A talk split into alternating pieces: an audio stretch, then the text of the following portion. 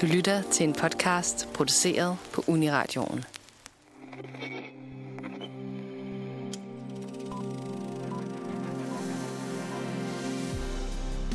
Har du nogensinde set en virkelig fed film og tænkt, men hvad skete der før alt det her spændende drama udfoldede sig? Nej, nå, men det er der en masse Hollywood-producer, der har. Fra historien om Bilbos eventyr, hvor han fandt den magiske ring, til historien om Anakins rejse fra sandhedende angstig teenager til den onde Darth Vader, til historien om Dumbledores kamp mod sin onde Hitlerkæreste Grindelwald, plus nogle fantastiske skabninger. Der er mange af den slags historier før historien, og vi vil tage et ekstra kig på disse såkaldte prequels lige nu, lige her. Velkommen til Filmmagasinet Nosferatu. Ja, velkommen til. Jeg hedder Benjamin Blokhilde, og øh, med mig i studiet har jeg i dag, Laurits Alex Struk. og Ida Hugge. det er så dejligt at have jer her. Har I haft en god påske? Ja. Ja. ja. Jo, jo. Jeg var, en, øh, jeg var en tur i Sverige, i Småland. Dejligt. Og uh, hyg dig. Ja, ja vi, vi tog det op i bil, nogle venner, og så kørte vi meget langt og hørte rigtig meget. Jeg, jeg satte mig i den bil, jeg vidste havde bedst musik. Det var, det var den måde, jeg valgte, hvilken bil jeg skulle sidde i. Altså hvem der var på AOX duty? Eller? Ja, præcis. Ja. Og det var mig. Og det var dig, selvfølgelig. den bil med det- bedst musik, og det er den bil, hvor det er mig, der styrer musik. Og det synes, din, det synes dine venner også, hvis de lytter Ja, ja, det det var, det var musical øh, fest hele vejen til Småland. Fedt. Åh, oh, perfekt. Mm. Hvad med dig, Laurits? Jeg, havde, jeg var også en tur i sommerhus ind over weekenden med mine forældre, men inden da så vil jeg lige snakke om en dag, jeg var i Cinemateket med vores ven og kollega August, hvor vi var inde og se et live interview med selveste Paul Schrader. Hey. Det var ret fantastisk at få lov at se, der er en gammel mand, som, hvis ikke man helt ved, hvem han er, så har han jo stille og roligt skrevet Taxi Driver og instrueret og film som First Reformed og mange andre gode. Cat People. Cat er People. ham. Altså, som, som, American han, Gigolo. altså, som i han var der, eller var det sådan noget videoopkald? Det var et Zoom-opkald Okay. direkte fra Cinemateket til New York, hvor han sad i, på et kontor med hans assistent og en klap for øjet, fordi han havde fået en sten i øjet tidligere på ugen. Okay. Han har fået en sten i øjet. Simpelthen. Altså fået et eller andet i øjet, en eller fået meget kastet sådan en noget. lille sten eller et andet. Så han havde lignet lidt sådan uh, Jolly Roger uh, med klap for øjet bag brillerne. Nå. Men, ja, og han har lidt et ry for at, at være sådan et grumpy old man, men han virker sgu meget uh, sympatisk lige uh, det her, uh, den her omgang, synes jeg. Og Augusts spørgsmål, som han kunne få lov at stille, det blev Ja. faktisk taget op. Uh. Så Nå. det var ret fedt. Hvad spurgte han, mand? Han spurgte om, hvad for nogle af de karakterer, Paul Schrader har skrevet, som, hvor det faktisk har været castet ordentligt, hvis jeg kan huske det bedste. Hvem man synes, der har været den bedste skuespiller til den rolle. Sådan. Ah, hvad- efter hvad han havde forestillet sig, da han Præcis, ja. skrev, skrev Præcis. rollen. Og der mener jeg, så vidt jeg kan huske, han snakker lidt udenom spørgsmålene ret tit, men han kommer forestille han kommer ind på, at sådan en som Ethan Hawke og Willem Dafoe og sådan noget, altid har gjort det godt i forhold til de roller, han har skrevet. Mm, det er jo også noget af en praise at få af sådan en, Ja. sådan en dude der. Hvad med dig, Benjamin? Du har lidt en tan. Nej, det har jeg overhovedet ikke. uh, nej, jeg, jeg var lige et, et smut til uh, Barcelona Mm. Øh, lille smut. med min far. Du er nødt til at fortælle, hvad der skete. Åh, men jeg ved næsten ikke, om jeg har lyst til at høre det. uh, nej, men det var en rigtig god tur. Overall, rigtig fin tur. Men det, der jo så var ved det, var, at vi, grunden til, at vi tog ned, var fordi vi skulle ind og se fodboldkamp Mm. mm. på, uh, på Camp Nou, som var Europa League-kamp mod Frankfurt. Og der skete jo så det, for, for det første skete der jo det fantastiske, at Barcelona, de tabte rigtig stort. Så det var vi alle sammen rigtig glade for. Hey. Det var Sarcasm. sarkasme i øvrigt. Men det, det, der så var værre, var, at, at somehow lykkedes det over 30.000 Frankfurt-fans at komme ind på stadion, Det er helt vildt. øh, hvilket jo gjorde, at det Virkelig føltes... mange pølser der. Så. Ja, at at det var føltes som et udebanestadion. Altså sådan, når Frankfurt scorede, så jublede stadion. Altså, det var helt dumt. Oh God. I Barcelona, ikke? Ja. Det var, det var, altså, det var et kæmpe skandale jo. Og et Øh, stadion, som er kendt for deres sådan fan-kultur og være sådan Ja, rimelig altså, man kan, ikke? jo, altså man kan sige, at Barcelona er jo meget, de er meget et teaterpublikum. Altså, Mm. at de, det er ikke dem, som er, som er de mest larmende. Øh, okay. Og det modsatte kan man nok sige om tyskerne, som jo så Ja. overtog stadion, ikke? som kan være rigtig fulde og rigtig larmende og rigtig ubehøvlet. Tysken kom. Ja, så, øh, ja. så Ja. det var ikke, det var ikke nogen super fed oplevelse, hvis Mm. jeg skal være helt ærlig. Nej, okay. Men udover det, var det en rigtig fin tur. Godt vejr Øh, ja, de rigtig- sidste par dage har været rigtig godt vejr. og god mad. Rigtig god tapas. Skide godt. Selvfølgelig fik man tapas. Ja, Ja, Det ja var nej, men man altså, Spanien. Mm. Jeg vil også lige stille dig et spørgsmål, Benjamin. Er du glad for at have Ida og jeg tilbage i studiet? Vi Yes. havde jo vikar på sidst, vi skulle have optaget sammen. Skulle det være så, du siger? Ja, det, åh, det, det, det jeg tror, er et ondt spørgsmål. uh, jeg synes, vores vikar gjorde det rigtig godt, men jeg er også rigtig glad for at se jer to. Det gjorde det bestemt. Ja. Tak. Og i lige måde. Mm. Jeg var jo ude og dække CPH Docs den uge, og Ida, som er den travleste kvinde i København, havde andre ting. Ja, jeg havde nogle personlige, øh, hvad hedder det, Gør mål. gøremål. Ja, præcis. Ja. Så lad os... Ja, men nu er vi tilbage. Så det Ja. er meget hyggeligt. Det Ja. føles lidt at være som at være hjemme igen. Ja, det er skønt. Dejligt. Og jeg glæder mig til det, vi skal snakke om i dag. Ja, fordi at det, vi skal snakke, i dag, snakke om i dag, er jo øh, i forbindelse med, jamen for det, i første omgang, fordi at øh, den nye sæson af Better Call Saul lige Mm. mm. er kommet på Netflix. Uh, Og samtidig er der jo også en vis Fantastic Beasts film aktuel i biograferne. Og begge de den film og den serie er jo eksempler på det, man kalder for prequels. Mm. Uh, og prequels er jo, hurtigt forklaret, er jo en, en historie før den historie, som det, hvis du, du har et originalt værk, og så har man besluttet sig for, at vi skal se det, der skete før Mm. det værk, i et andet værk, hvis det giver nogen mening. Tidslinjen, Og det kan gøres ja. både godt og dårligt. Som regel dårligt. Som regel dårligt. Det er, det, er en, det er en svær disciplin at mestre, men det er noget, der er rigtig meget af i Hollywood, fordi at det er bare en, en nem måde at bruge sådan nogle kendte franchises eller kendte IPs til bare at En god måde at, få sådan, flere penge. ja, at bruge nostalgi-ånden i os, Ja. og så Ja. bare vride, vride penge ud. Ja. Og det betyder naturligvis også, at vi skal snakke om nok en af de største sequel-franchises overhovedet. Altså Star Wars-sequelsene, som i folkemunden bare er kendt som... Ja, så, hey, prequels, selvfølgelig. Yes. Der- der som er i også- Der er også også sequelsene. Det er der sequels. også, dem er der også Også sequels, til. ja. De, de var også gode. Det var, det var også fint nok. Og de er jo, altså, prequelsene er jo i folkemunden kendt som the prequels. Ja. Hvis du søger på prequels på, på Google, så er det dem, der dukker op. Præcis. Ja. Ja, så dem skal vi snakke om, og vi skal snakke om en masse andre også, fordi der er rigtig mange eksempler. Men hvordan, hvordan har I det med konceptet generelt? Altså, er det, hvad, hvad synes I om, om prequels? Altså, der er et eller andet, der er spændende ved sådan at, at dykke ned i, i baggrunden, sådan historien omkring den, det univers, man er i. Og jeg tror faktisk også, da jeg hørte, at J.K. Rowling ville lave øh, en prequel, sådan optag til det, det, der skete under Grindelwald, og, og sådan Dumbledore i 40'erne, sådan, hvad der skete omkring deres ting, som, fordi det har ligget under overfladerne i bøgerne, men det er aldrig rigtig blevet sådan nævnt ordentligt. Og det har været en virkelig sådan stor ting, som alle har gået, og, eller alle fans i hvert fald har gået og sådan spekuleret over. Mm. Så det, det glædede jeg mig meget til at finde ud af, eller sådan at se, hvad de vil gøre med det. Det er sådan resultatet af sådan noget andet. Men, Ja. men ideen, konceptet om det, synes jeg var meget spændende. Ja, men jeg tænker også, sådan, sådan har Ringenes Herre-fans og Star Wars-fans også nok også haft lidt af henholdsvis prequelsene og Hobbiten er kommet ud. Ja. Og der er jo nok en del, der er blevet skuffet. Men det er jo også det er jo sådan en ting med, at store forventninger ofte er lige med store skuffelser. Ja, og det er også virkelig svært at leve op til, til en, Det er det. altså, hvad, hvad fansene vil have. Fordi de har jo bygget en eller anden idé om, om, i deres fantasi om, hvordan, hvad det var, der egentlig skete. Og hvis det, var ikke, det var, hvis det ikke var det, der skete, ifølge manuskriptforfatterne, så, øhm, ja, så er det ikke så nemt at følge med. Og der synes jeg, en god måde, man kan gøre det på, og det kommer vi også ind på senere, er det her med, at i stedet for at lave en hel prequel-serie, så kan man inddrage eventuelle flashback-scener i film, uh, som Mm. vi kommer ind på med blandt andet Godfather 2 og i Indiana Jones-franchisen. Ja. Uh, men Ja. som også har set lidt, lidt andre måder, man kan gøre det på. Ja, og når det bliver en, når det bliver en kærlighedserklæring til, til den, de, det værk, og ikke bare en, øh, en måde at vride penge ud af, Præcis. af publikum. Og vi kommer til at, øh, grave, til at starte med at grave ind i øh, tre af de store, som vi allerede har nævnt, som er Fantastic Beasts, Hobbiten og Star Wars prequelsene. Øh, og vi starter med Fantastic Beasts.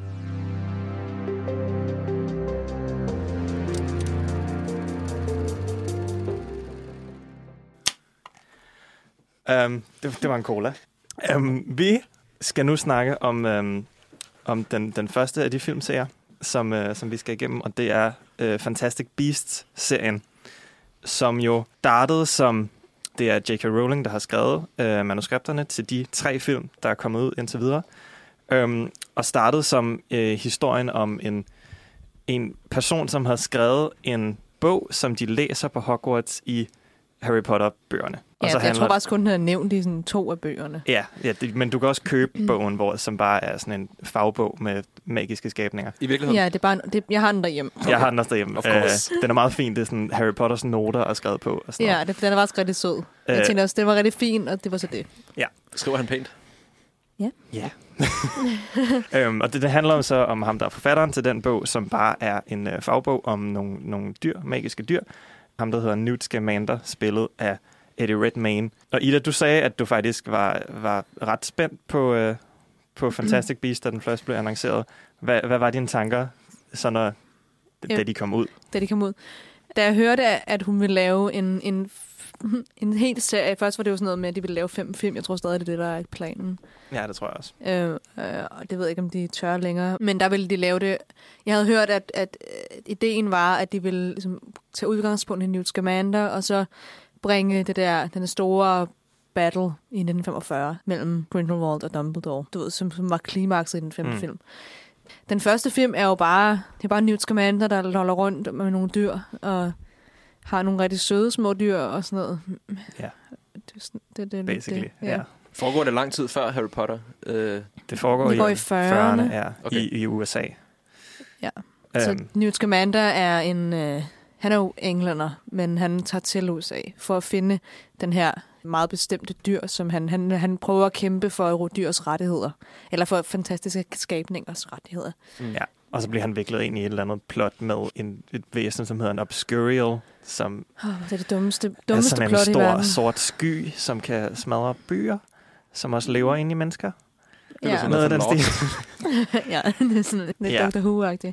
Altså, jeg synes faktisk, som, som altså, den første Fantastic Beasts, and Where to Find Them, den synes jeg faktisk er fin nok. Altså, den er okay. Den står, som, Mm. Hvis den bare står for sig selv, uden det der underlige obscurious plot.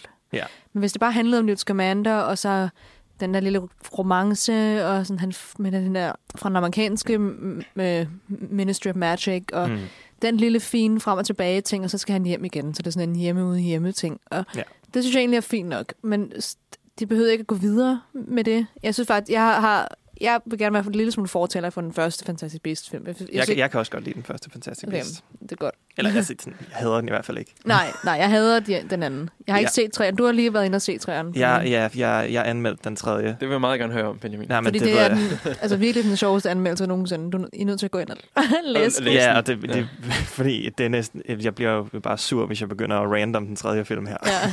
Men det, der jo sker, er, at som du siger, altså den første film er meget sådan, som uh, gotta catch 'em all, og skal være Pokémon Master, eller hvad det nu er, han skal. ja. Og så begynder de i nummer to. Der er lidt af det i den første med, at der er den her skurk, der hedder Grindelwald, og han gør nogle onde ting, I guess. Og så dukker han op til sidst, og det viser sig, at det er Johnny Depp med, med, med, ja. ja, med stridthår. Og, øh, og så i toeren, der gør de bare all in på altså et, sådan et uforståeligt råd, som prøver at, at gøre Newt Scamander lidt relevant til historien, men det handler mere om sådan Dumbledore og Grindelwald og Lestrange stamtræet og Så andre ligegyldige ting, som ikke rigtig passer sammen. Og jeg synes egentlig, at den første føles meget som bare sådan, sådan en spin-off. Det er bare sådan et nyt eventyr. Ja. Og jo mere de begynder at lave forbindelser til de originale historier, altså jo mindre, jo dårligere bliver det.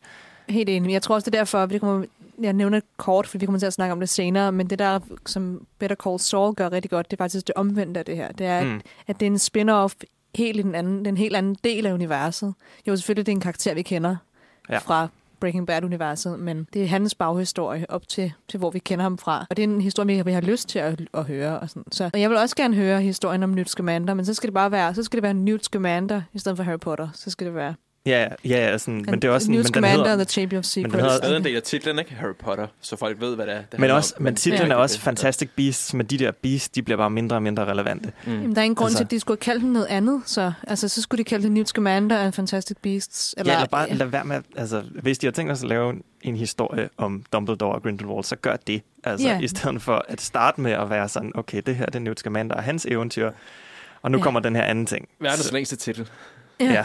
det, det er så åndssvagt. Også fordi, at altså, J.K. Rowling har, har det der Pottermore, hvor der står, der står en hel masse sådan en hjemmeside, mm. øhm, som er meget stor, om der står alt muligt lore, hun Ja. har skrevet op.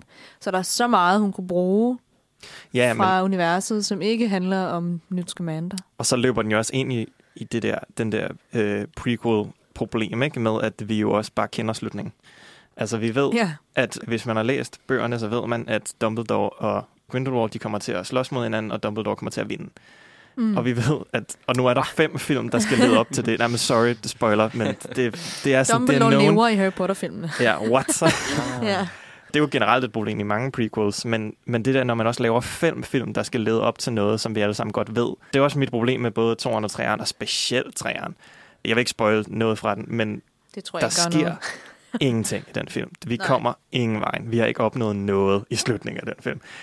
Og det føles bare som om, vi træder vande. Altså, vi, kom, vi kommer ingen vejen. Og det er også bare det der problem med, at vi committer os til at lave fem film, før vi har lavet en god film.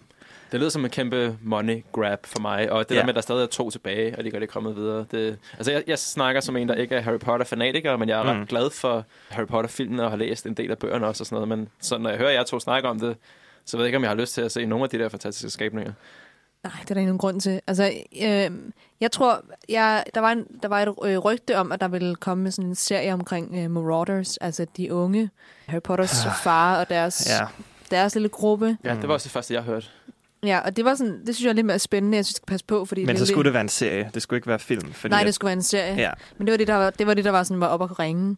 Og det kunne være ret spændende at høre om deres tid på Hogwarts. Fordi så, læ- men man, så længe det var sådan noget, sådan noget low stakes, ikke? Altså, at Jo, det, jo. længe, det ikke er... Ikke alt altså, muligt drabligt og Ja. store... Nej, nej, det er bare være dem, der hygger sig på slottet. Sådan. Det, ja, det vil ja, jeg og så det, der, hvor man finder ud af, at Lupin er vareulv og sådan noget, Ja, hvordan, ja. hvordan de opdager det, Mm. og de begge to, og så kommer de, bliver de alle sammen til Animagos og sådan noget, fordi det er de, hele Ja. gruppen er det, og sådan. Mm. Det kunne være meget spændende, og der, hvor han møder Lily og forhold til Severus, og Ja. sådan, det der er spændende. Og det er i forvejen ret fede karakterer, som vi kender, ikke? Jo, Altså, problemet med Fantastic Og- Beasts, og især træerne, det er, at alle de karakterer er så...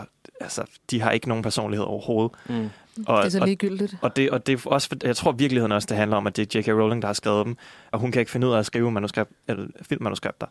Altså, hun har skrevet filmmanuskriptet. hun, har, hun har skrevet manuskripterne til, til de første to, og så fik hun hjælp til den tredje af Steve Kloves, som har, Det gik så endnu dårligere. som har skrevet øh, syv af de otte Harry Potter-film. Nå, okay. Øh, men det var så endnu dårligere, så han kunne ikke redde noget. Og, det er jo, og der er rigtig meget i de film, som bare er... Fordi du kan godt have rigtig mange personer, og du kan godt træde vande i lang tid i en bog, uden at det gør noget, fordi at bogmediet er, er egnet til det. Men Ja. når det er en film, så vi har ikke tid til det. Altså, fordi at vi, vi mister momentum. Så når, og når, når folk bare kommer ind og siger, jeg hedder det her, og det her er min baggrundshistorie, det er bare vildt kedeligt. Det fungerer i en bog, men det fungerer ikke i en film. Det var noget af mit yndlings i Harry Potter-bøgerne. Det var faktisk ikke, når alle de der store sådan plot-changing ting skete, men det var mm. faktisk bare, når vi fik lov at høre om sådan deres dagligdag på Hogwarts og Ja, sådan noget. 100. Ja. Det er også det har altid været det, der var spændende med de bøger, at, at dykke ned i sådan, sådan helt øh, OWL's karaktersnit, og sådan, sådan Mm. helt ligegyldige egentlig ting. Øh, sådan nogle dagligdags ting. Ja, og så er der også det problem med, som også er et problem med flere af de prequels, vi skal snakke om i dag, det her med, at man jo kan gå ind og ændre på noget, som vi vidste, altså ændre på noget canon.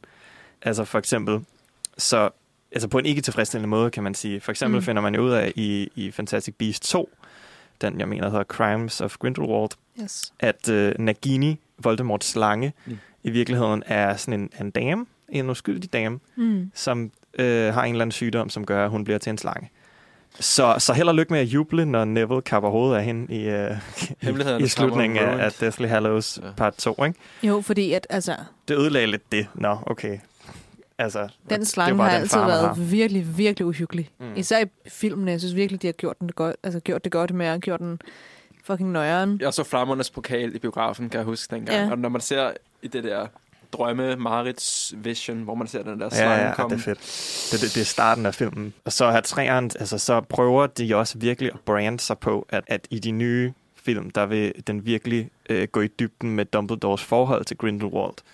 Og det her med, at, at de måske var kærester, eller der måske var et eller andet homoseksuelle forhold i gære, men de committer ikke rigtigt til det. Altså det, det kan man blandt andet se med, at der er 6 sekunder af filmen, der er blevet fjernet til det kinesiske marked, for at fjerne alle hensydninger til noget som helst homoseksuelt. Naturligvis. Men det, at det kun er 6 sekunder, tyder bare på, at okay, så har I ikke committet til det. Altså, så, Også fordi det er jo, det er jo J.K. Rowling, der kom ud og sagt, at ja, ja. Dumbledore er, er homoseksuel. Og det for lang tid siden. For Ja, lang tid siden, ikke? så man, det burde jo være noget, der lå i hende. Som sådan, ja, det, er noget, det burde være noget, hun var glad for og, og ville, du ved, udforske. Ja, og Ja, jeg, ved, så jeg ved ikke nu, den hedder jo Dumbledores Hemmeligheder, træ- træeren, og jeg ved ikke, om det er det, det refererer til, eller om det er noget andet. Jeg, Nå. jeg ved det ikke. Altså, det, Ja. det er uklart, Det har jeg Øh, faktisk ikke tænkt over. Og hvis det er det, skabet. fordi så er det bare kedeligt, fordi vi vidste det godt. Altså, det er jo ikke den store hemmelighed. Nej. Men vi har et klip, hvor, at, altså, det, hvor det er meget, meget vagt lige bliver, bliver nævnt. You know, this is, of course. You had it in Paris. I can't say I have much experience with such things, but it looks to me to be a blood trough. That would be correct. And whose blood is contained within? Mine. And Grindelwald's. I'm assuming that's why you can't move against him. Yes. Nor he against me. Can I ask what would possess you to make such a thing?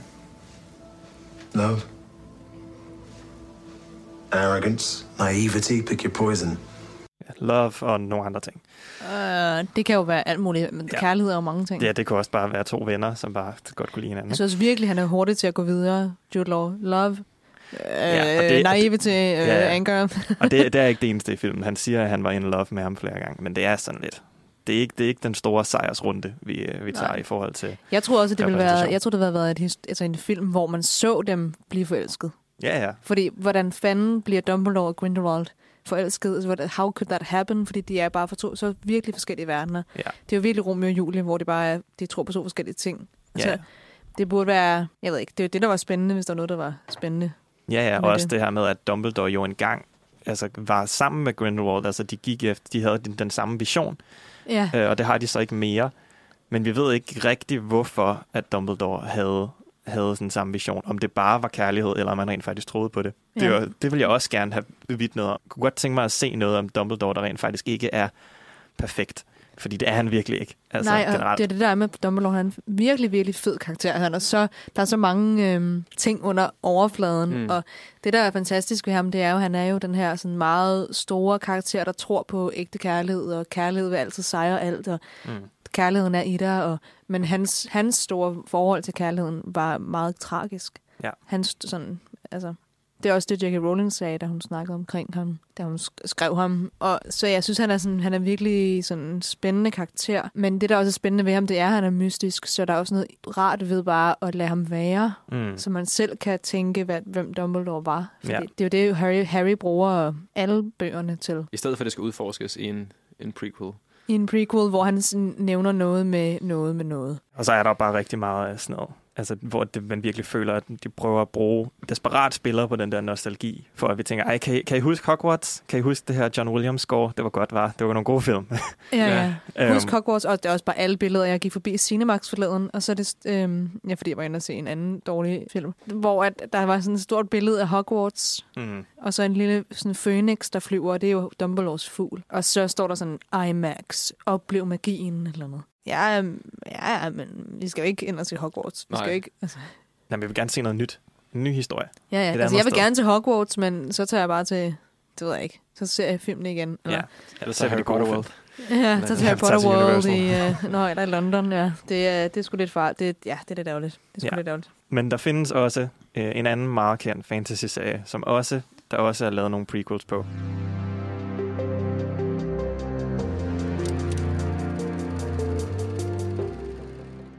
Vi snakker prequels i Nosferatu, og nu skal vi videre til Ringnes Herre prequelen wup. Hobbiten. Nå. jeg har lige glemt, dem. Hvad, hvad sagde du?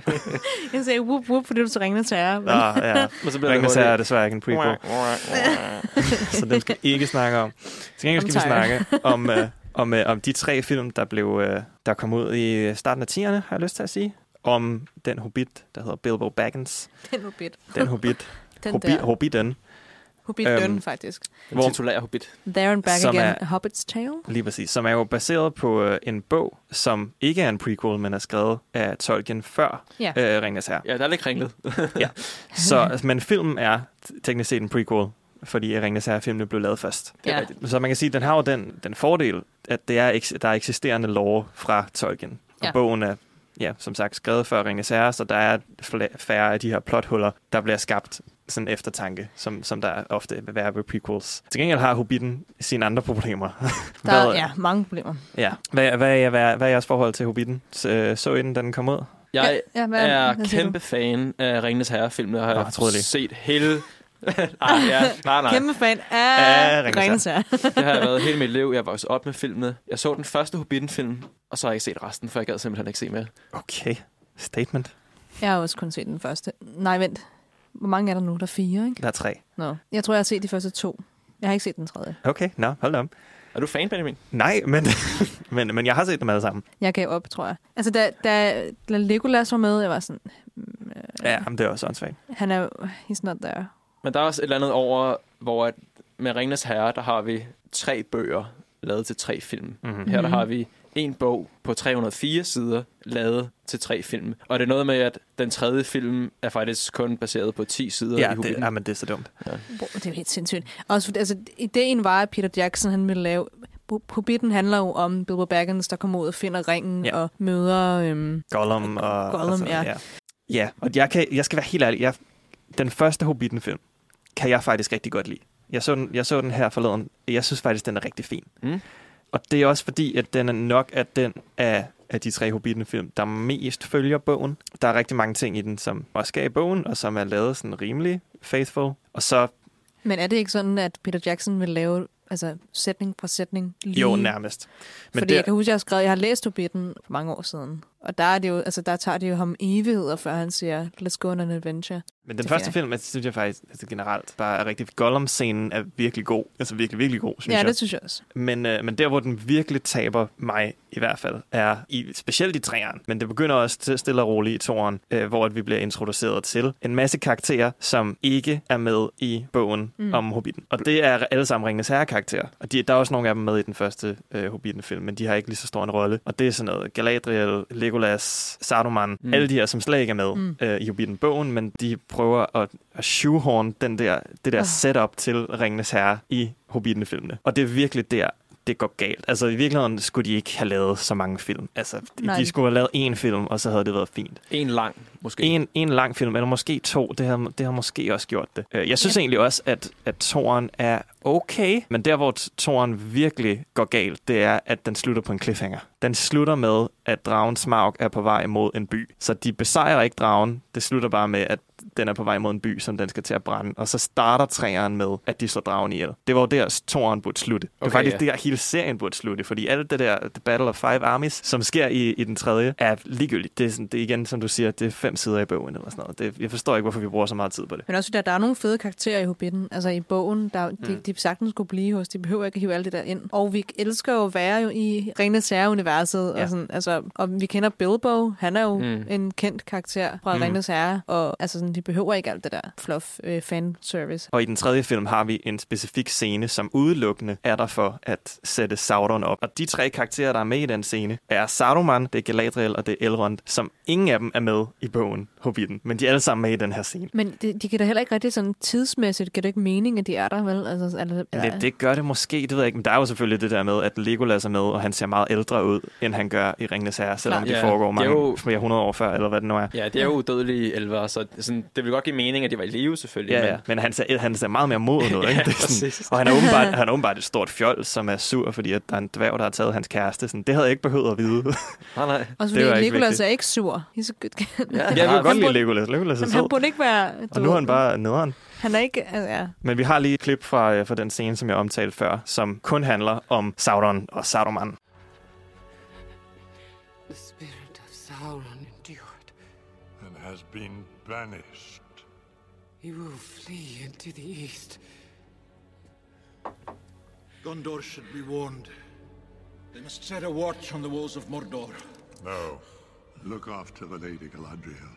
She has spent much of her power. Her strength is failing. Take her to Lothlorien. My lord Saruman, he must be hunted down and destroyed once and for all. Without the Ring of Power, Sauron can never again hold dominion over Middle-earth. Go now. Leave Sauron to me. Jeg elsker Christopher Lees stemme. Ja. Ja, han er skøn. Ja. ja. Men, men til igen, Og det er også det igen. er så tavligt, ikke? Fordi jeg sidder sådan, hmm, ja, Ringenes Herre. og- Ja, præcis. Det, er sådan, ja, det får mig virkelig... Det De her konstante referencer til Ringnes Herre mm. giver mig bare lyst til at se Ringnes Herre, i Ja. stedet for fucking Hobbiten. Og altså, det er der er galt. Også fordi Hobbiten er jo egentlig bare en børnebog. Altså, det er jo en Det var kort... til hans børn, ikke? Jo.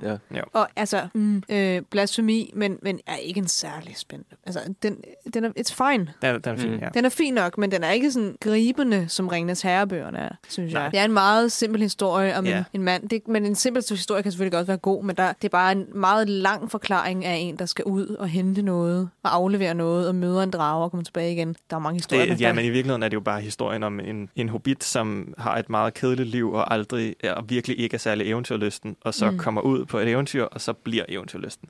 Ja. Ja, Det og er... den er- virkelig fin, og det er en hyggelig historie, men så skal de, så skal de lege med det på den måde. Fordi Martin Freeman, synes jeg, var en vild, fed, Vildt god, ja. vildt god Bilbo Baggins. Så og, godt øhm, castet. Ja, jeg synes, han er fantastisk i den rolle, og det er bare så ærgerligt, at jeg ved ikke, om de skulle, enten skulle de have lavet en, en tre timers film eller to film Ja. Måske. Der findes jo også sådan nogle, sådan nogle cuts, sådan nogle fan-cuts, som bare er øh, fans, der bare har cuttet alt det der, der har med Ringenes Herre at gøre, Mm. og bare lavet det til en præcis historie om Hobbiten. Okay. Bare lavet det til bogen. Det kan være, Øh, i stedet for at se uh, Tårn og Træerne, jeg skal Ja, det kan være, det kan anbefales. Altså, jeg har, jeg har ja. ikke set de cuts, men, men jeg er tænker, at det er en meget, mere, øh, en meget bedre oplevelse. Også fordi, at Peter Jackson jo, undskyld, havde sagt, at sådan, jeg laver den bare straight. Jeg laver præcis Hobbiten fra ende til anden. Ja. Og det har han så ikke gjort, jo. Nej, for det, det får det til at virke som et, et cash grab på en eller anden måde, men jeg tænker, at der har været gået noget galt i hele pre-production-processen. Det er en kæmpe, der er en kæmpe skandale omkring hele pre-production, og, og alle var virkelig sure om at være på den. den det var bare totalt sådan en haunted production. Uh, fuldkommen forfærdelig. Og så alt gik galt, og alle havde hinanden, og folk blev syge, og folk døde, og så det har været Folk det vilde. Jeg kan ikke huske, det var. Nu jeg det for hurtigt. Men det har været måske deres Okay. nogens venner og familie døde og sådan noget, så det stoppede produktionen mm. Mm. og startede igen. Og Og det er virkelig kontra, hvis man sidder og ser uh, behind the scenes fra Ringens Herre-filmene, hvor det bare Ja. virker som om, de har et blast Ja, gennem hele shoot, kæmpe, ikke? kæmpe familie. Ikke? Og ja. det, der var med Ringens Herre, det var, at de filmede alle tre film i streg, Ja, og så klippede de dem op og gjorde dem til tre film. Så det virkede som om, at alle filmene, det er derfor, der er den her... og det hang sammen. Det hang ja. sammen, og der er, den, der er en følelse af, at sådan, wow, vi er virkelig i det her sammen. Men det kan også, har de ikke også, gjorde mm-hmm. de Mhm. ikke også det med Hobbiten? Bare filmet dem alle sammen samtidig? Det tror jeg måske, de gjorde. Det, nå, men det kan godt være. Men Nå, det, det, er, det skal jeg ikke gøre mig klog på. Men jeg, jeg tror, der var, i der var i hvert fald nogle meget sådan, abrupte stop og start i Ja. processen. Ja. Og så tog det virkelig lang tid for dem. Ja, og så er der jo også et eksempel på, at så, og det kommer vi også til at snakke om lige om lidt, det der med, at der er jo kommet ny teknologi siden, Ja. Ja, øh, som man bare har tænkt, at det skal vi bare udnytte, og så gør vi det til Ultra 3D, som, hvor at folk brækker sig Ugh. i biograf. for det har nemlig været en af mine helt store problemer med Hobbiten. Det, Ja. For jeg synes, det var banebrydende dengang mm. øh, Ringens Herre-filmen, den måde, de brugte CGI på. Ja. Øhm, hvor at det bare blev overgjort i Hobbiten, og det så bare fake ud. Så dårligt ud, ja, ja. Så rigtig Ja, det så dårligt ud. dårligt ud. Og det- det var ja. også sådan noget, ja, øh, Ian McKellen var også bare sådan, mm. han, han kunne slet ikke holde ud at være på sættet, fordi, de, fordi i, i Ringenes Herre havde de jo lavet det sådan, at når der var en scene med ham og en hobbit, som jo er meget lavere, så havde de lavet sådan noget force perspective, hvor at den ene sad meget længere væk end den anden i forhold til kameraet, men de var begge to på sættet, mm. hvor at her, der var det hele bare green screen, og så sætter vi dem ind senere. Det Ja. havde Ian McKellen meget svært ved at arbejde med. Ja. Især når han er sådan en klassisk skuespiller, og så tænker Ja. jeg for at vide, du skal reagere til det her nu, det her nu. Jeg Der har er 12 dværge derovre, som du Ja, skal... altså- kig på den her Jeg har tennisbold. hørt, at han Ja. ja. næsten havde, altså, jeg tror, han havde sat sig ned og begyndt at, græde. Altså, fordi Jeg har også hørt. Jeg har fået Gandalf til at græde. Ja, how dare you. How dare you? Men også, at det, der var så spændt, fantastisk ved, ved Ringens Herre, synes jeg, var også make-up'en. Altså, fordi orkerne ser fed, så fede ud, og det er jo lavet, det er jo lavet med make-up. Det er jo altså sådan... Ja. Alle orkerne i Hobbiten er bare CGI, Ja, tror jeg, og det, mener det, det er det, der er Altså. problemet. Det hele er nemlig CGI, og det, det er noget, der bare... Det kommer til at, at ældes rigtig dårligt. Det er derfor, Ringens Herre ikke har ældet dårligt. Fordi Nej. at det, Jeg ser det er det så godt lavet. to, måske tre gange om året, ser jeg Ringens Herre. Det har jeg gjort lige Stærkt. siden det kom ud. Og det er altså lige godt hver gang. Jeg synes stadig, at de holder de effekter der. Jamen, det, det er jo, altså, det er jo mest, mest, totalt mesterværker, og det er jo umuligt at leve op til, det ved jeg godt. Men, Ja. men det var den samme instruktør, og det er de samme karakterer, og det, burde- det havde man- det samme for, for Man samme forventede, at det skulle blive godt. Altså, Ja. det gør Ja. man bare. Jeg kunne virkelig godt have tænkt mig, at det skulle jo have været uh, Guillermo del Toro, der skulle have instrueret Hobbiten-filmene i første omgang, Okay. inden Uh. Peter Jackson uh, overtog. Jeg kunne virkelig godt have tænkt mig at se del Toros take. Ja, for Ja. så kan man snakke om, okay, det er ikke Peter Jackson, men han gjorde sin egen ting. Nej, jeg tror netop, det var det der med at splitte dem op i tre film, som gjorde, at del Toro droppede ud, Ah. hvor at Peter Jackson så må træde ind til, ja, Altså, jeg gad godt at se, et, uh, hvad hedder det, Del Toros uh, Smaug. ja, Ja, ja tak. Og den der, altså, jeg, jeg, jeg, synes, at, jeg synes faktisk, altså, at den første film er okay. Men jeg tror, det mest er på grund af, at der er så meget optakt Ja. til, og man ser så meget af Martin Freeman, der bare er Bilbo ja. og hygger. Ja, Ja. Og, Jeg synes, der er virkelig meget potentiale i den, i den Mm. første Hobbiten. Der er også rigtig mange åndssvage ting, men jeg synes, action er fin, altså, og den der, som sagt, den der Gollum-scene er virkelig fed. Ja. Rigtig lang, men sådan, det skal den også være, altså, det er også en rigtig, rigtig lang scene. Ja, altså, det der med, at de fylder bare- det sindssygt meget. hvor de bare Ja. siger gåder til hinanden. Og der kan man godt se, at teknologien omkring Gollum er blevet bedre. Det er, det er tydeligt, og det er jo rigtig godt. Han er rigtig godt lavet. Hvad er jeres tanker? Fordi nu snakker vi jo om Hobbiten som prequels her, men vi har jo faktisk også noget andet i vente, der kommer her. Amazons nye Mm. multi-multi-million Mm. Ringenes Herre. The Rings of Power, tror jeg, titlen er efter kolon. Det er noget, I har set frem til, eller hvad? Um, vi troede jo, at det ville være baseret på The Silmarillion, men det er det så ikke blevet alligevel. Nej, ja, de skal selvfølgelig ikke få rettighederne til det, så det, som vores øh, ven Niels Otto fortalte så er det faktisk det der appendix, der er bagerst i Ringenes Herrebøgerne. Det er det, de har købt rettighederne til, og det laver de så en Amazon-serie på. Ja, så Ja. digter de bare videre Præcis, ud fra ja. det. Og jeg kan huske, da jeg så Ja. første gang, at der ville komme det her, der var jeg øh, virkelig spændt på det. Mm. Men lige så snart, at trailersne kom, der kommer nogle teasers eller trailers og billeder og sådan noget. Det første billede, hvor man ser en skikkelse foran en gammel elverkongerige, der tænker jeg, det bliver godt det her. Men mm. så kom teaseren og en trailer. Den der Øh, trailer er helt altså, sindssygt. det ser hæsligt ud. Altså, det Ja. ligner dårligere CGI end Hobbiten-filmen. Ja, ham der, der kaster sig rundt i det der tårn. Og Ja. den der, det er Ja. så underligt. Okay. Eller, Så det glæder vi os ikke til, kan jeg godt mærke. Det, ja, ja, mm, Jeg skal se det, men Ja. jeg kan ikke love, at jeg ikke stopper halvvejs igennem. Nej. Ligesom med Hobbiten. ja, præcis. Ja, ej, det, øhm, ah, det er sgu svært. Jeg ved det ikke. Altså, jeg, jeg nød faktisk, jeg, jeg, jeg så den første Hobbiten i biografen, og jeg havde en blast, fordi det var Ringens Herremusik, Mm. mm. store billeder, og Bilbo, og ja. The Shire, og det var Ja, bare hyggeligt. Mm. Ja. Men det var så det. Ja. Det var, ja, så gik jeg lidt slukket fra den anden, må jeg sige. Og det har været den her, ja, det været lidt den her krig med, at Amazon havde opkøbt ja, rettigheden til de her appendix, og så har der også været noget med, at, jeg ved ikke om det, det så det, det firma, der faktisk stod bag Ringenes Herre, de har opkøbt rettigheden til noget andet nu. Det, der kommer sådan en animeret film faktisk her, jeg kan ikke lige sige hvornår, om et år eller to måske, der, hedder, der handler om Rohan og en historie derfra. Det, er det- men de gør det animeret, tror jeg, Ja, det lyder meget gør det spændende. som en meget spændende take på det. Nå, det er lidt sjovt. Ikke sådan Ralph Bakshi fra 70-80'erne animeret, men sådan mm. mere sådan anime, tror jeg, jeg har hørt. Okay. Okay. Også fordi. Rohan ved vi jo ikke vildt. Jo, vi ved selvfølgelig meget om det i forhold til lore og sådan noget, men ifølge hvad vi har sådan fået at vide ifølge filmene og bøgerne og sådan noget, så er der ikke sådan vildt meget, der bliver fortalt om den del af det i hvert fald. Mm. Nej, det kommer til at handle om en af Theodens forfædre og, Okay. og en krig og sådan noget dengang, så det Nå, det er meget sjovt. er godt. Ja, det er jo det er måske en meget fed måde at gøre prequels, så man ikke prøver at efterligne det, der var før, men prøver Mm. bare at prøve at lave noget helt andet. Ja, med en animeret serie. Det tror jeg faktisk Mm. kan fungere rigtig godt. Ja, noget andet, som ikke fungerede skide godt, var, var igen, som vi snakker om til at starte med, det som er, som er det, man, man snakker om, når man siger prequels, som er Star Wars prequelsene fra George Lucas. Uh, Og dem skal vi lige dykke ned i.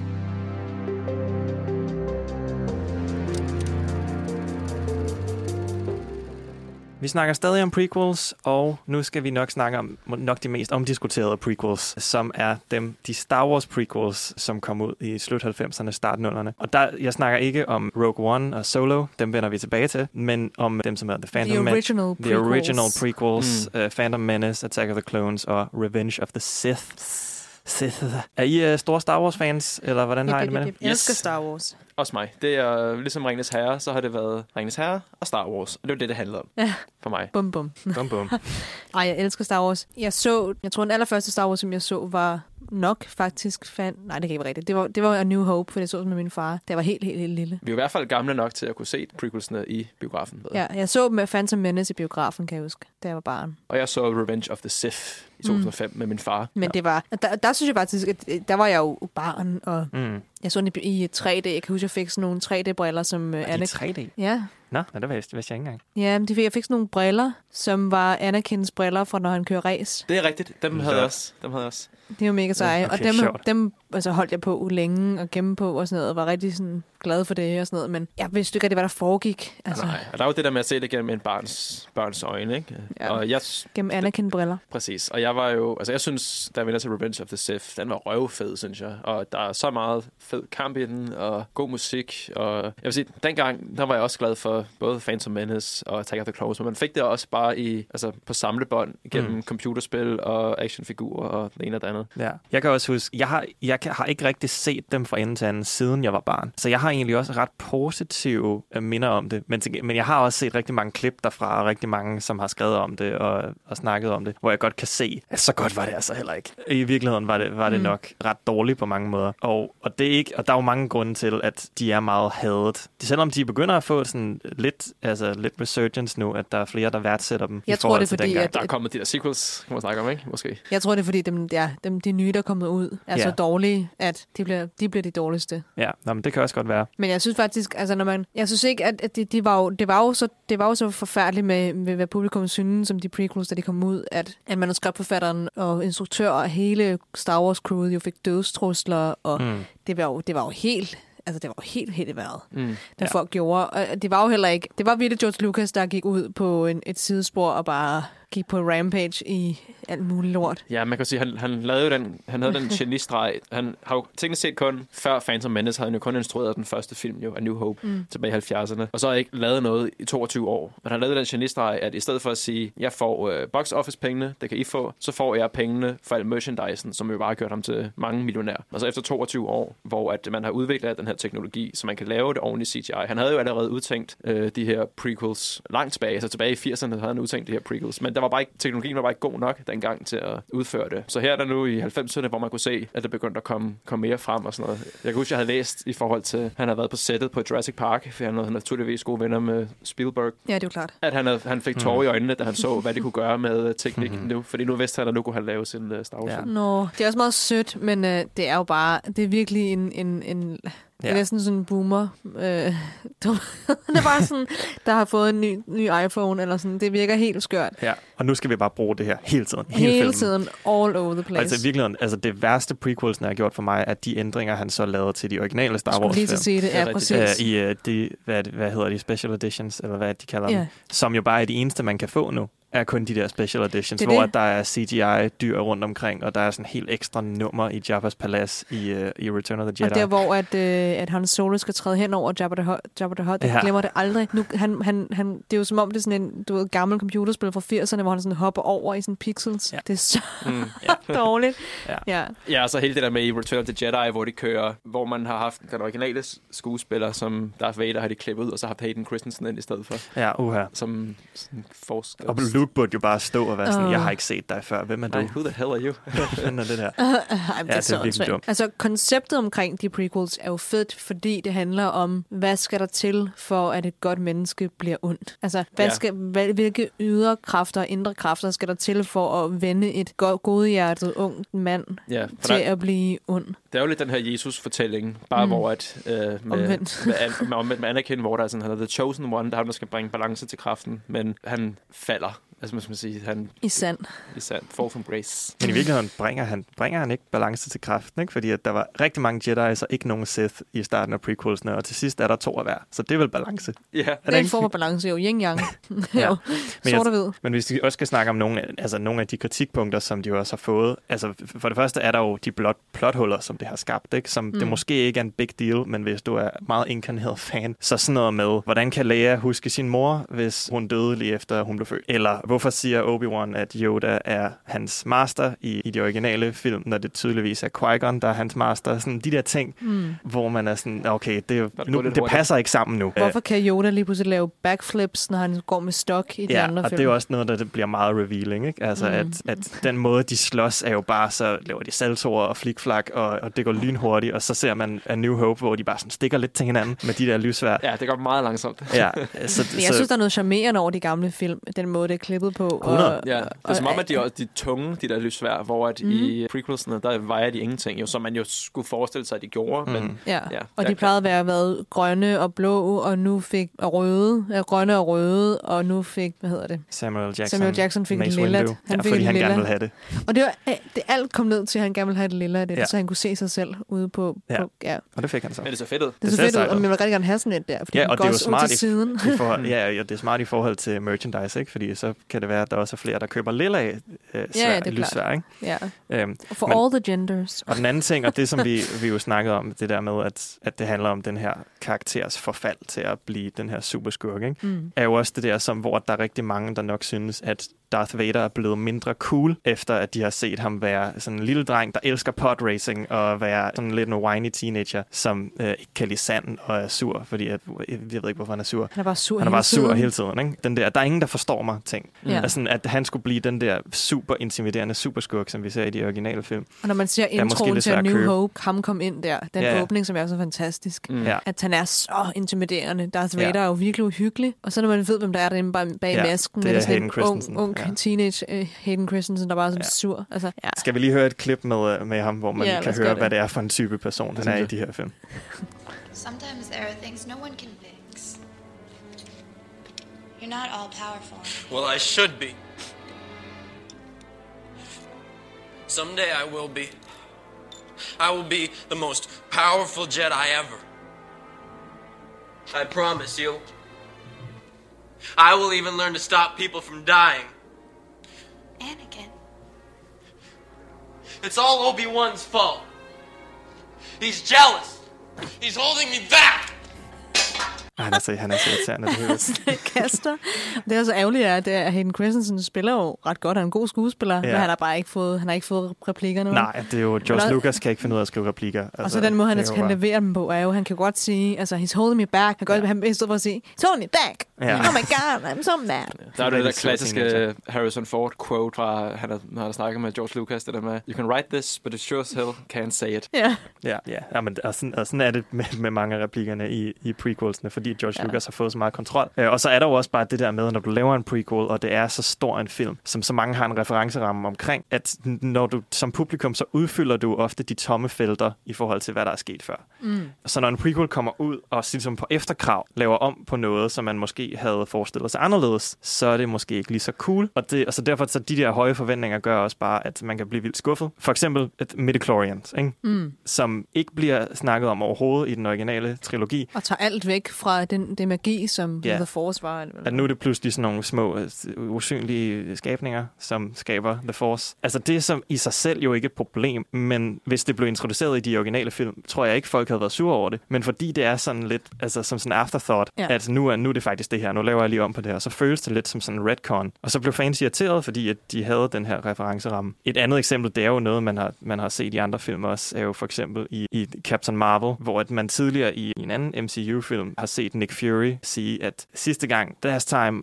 I trusted someone, I lost an eye. Og så er det sådan lidt et my- mysterie, sådan, hvordan, hvordan skete det? Det må have sikkert have været vildt cool. Og så finder man ud af i Captain Marvel, som er en prequel, hvor han også er med, at grunden til, at han mistede sit øje, var fordi, at der var den her øh, kat, som ikke rigtig er en kat, det er sådan en alien, men, men det er stadig en, En kat. flurken. En flurken, som, øh, som river hans øje ud. Og det er måske ikke lige så sejt, som det, man havde kunne have forestillet sig. Og vi kan måske lige høre de to klip ved siden af hinanden. Soldiers trust each other. That's what makes it an army.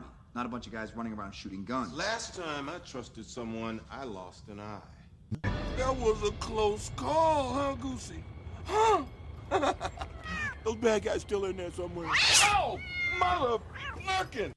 Motherfucking. Motherflurken, ja. Ja, det er så for to forskellige film, skal vi lige nævne, ikke? Ja, ja, det er det så. Ja, så det er, jo, det er jo også en ting, som man risikerer, når man laver en prequel. Og så er der jo også bare det her med, at når du skal tage en skurk og prøve at gøre ham sympatisk, det kommer jeg også til at snakke om senere, men, men det her med, at pludselig så føler jeg også virkelig, at Anakins hele karakterark sker lynhurtigt i Revenge of the Sith. Fordi han skal være helten i de to første, så sker det lige pludselig, at der er han typen, der vil slå en masse børn ihjel, ikke? Ja. Altså det, det er sådan, det, Lige okay, pludselig. den havde jeg ikke lige set komme. Ja, også fordi det er virkelig noget af et hop at tage. Ja. Altså fra at være sådan, jeg er lidt sur på dig. Mm. Okay, lad os dræbe alle de her børn. Ja. Altså det er sådan, det er det, der er ærgerligt. Jeg tror også generelt, at jeg, jeg, er lidt, jeg har været virkelig meget imod også alle øhm, Disneys sådan live-action film, hvor de har prøvet at gøre en, deres skurke sådan likable med Maleficent og Ja. Cruella, som vi også snakker om lige om lidt. Ja.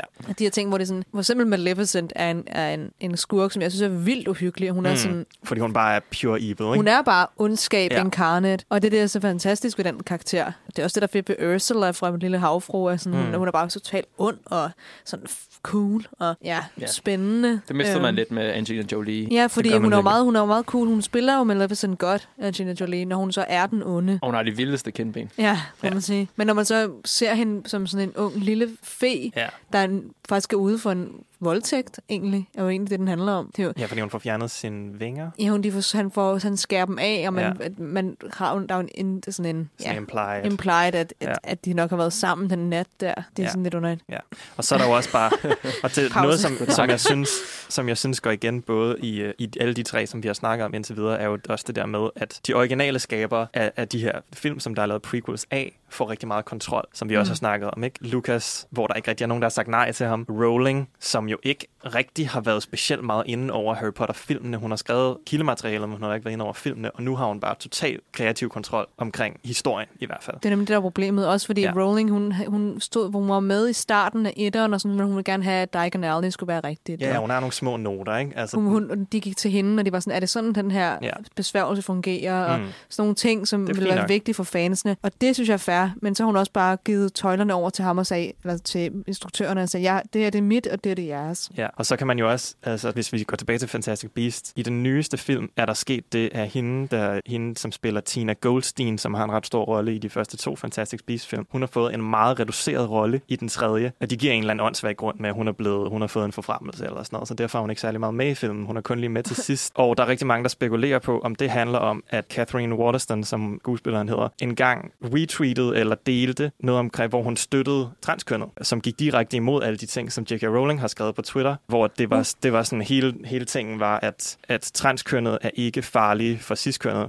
men det er, ciskønnet kan godt være farlige for transkønnet. Det var Mm. ligesom det, hun delte. Så man kan ikke lade være med at se det som, okay, Rowling har bare været smålig her. Og så har hun bare valgt, okay, så fjerner jeg dig bare, hvis du skal ikke, ikke er med på mine øh, po- politiske holdninger eller kønspolitiske Uh, holdninger. Okay. Og det kan Ja. man bare ikke lade være med at tænke, fordi, at, fordi at det er Rowling, der har skrevet det. Ikke? Ja. Mm. Jeg, også, altså, jeg, så, jeg, så, jeg har kun set traileren til den øh, tredje der. Og der, Tina, hun er jo en meget kæmpestor rolle i et Mm. og toeren, og er, Ja. er, er, er, hende, som hvad hedder det, Newt Scamander har en et sådan kærlighedsfling affære med. Mm. Og jeg troede, hun ville sådan være en meget større rolle. Og så er der noget med, at hun, hun går undercover, fordi hun er en aura, så hun skal, ligesom, hun skal passe lidt på og sådan noget. Så ja, da jeg så, at Newts hvad hedder det, assistent var med i traileren, så var jeg sådan, Mm. nå, måske det er Tina, der har drukket polyjuice Ja, ja, elixir.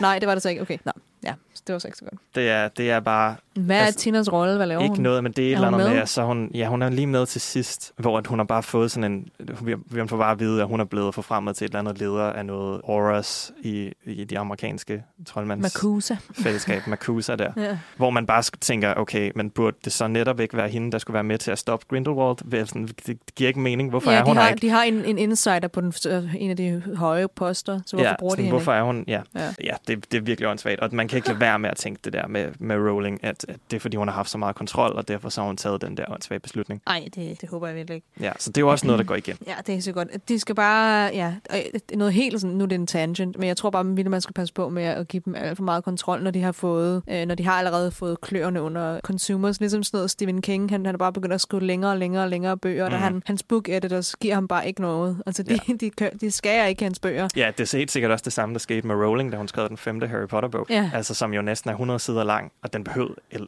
eller ikke 100 sider, 1000 sider lang, Ja. sorry. Ja. Altså, og, 100. det, og det behøvede den bare ikke at være. Altså, der er nok en, altså, der har ikke været særlig mange notes fra en, fra en editor. Nej, det har bare, bare været sådan, lov ja, til ja, at- du, du skal bare. Og det er også den bog, hvor der er nogle ting, hvor man sådan, det behøver Det du måske lidt ligegyldigt. ikke have med. Jeg Det er fint nok, men okay. Ja, da jeg sagde, at jeg havde læst næsten alle bøgerne, det var det omkring Følningsorden, at uh, jeg har skiftet At du, øh, at du gik af, ja, Ja, stod men af. det er jo en dørstopper af en bog. Altså, det er jo helt skørt. Og det er Ja. en fin bog, men det er, sådan, den er alt for lang. Altså, det er min yndlings sådan, tidspunkt i Harry Potter-universet, ja. Der omkring Phoenix-orden. Så jeg var glad for at være i det univers længe, men, men det var også bare, der var nogle, nogle sådan B-plot, hvor jeg tænker sådan, hvorfor snakker vi om de her el, altså, folk lige nu? Ja, det er men sådan er det. Så øhm, det er sådan de tre store prequel-serier, der har været. Og vi, vi kan nok ikke sige, at der er nogen af dem, der sådan har været store succeser. I hvert fald ikke sådan kvalitetsmæssigt, Nej. kan vi godt blive enige om. Nej, det, nej. Og det, og, og det er der også mange andre, som, som heller ikke har været. Og der er også nogen, som har været det. Vi skal nok ende på en high note. Ja, Men, øh, bare vent. Der er nogen, bare vi vent. kan se det, frem det kommer, til. kommer. Det er, ikke, det er ikke alt dårligt. Men noget er dårligt, og det øh, skal vi snakke videre om lige om lidt.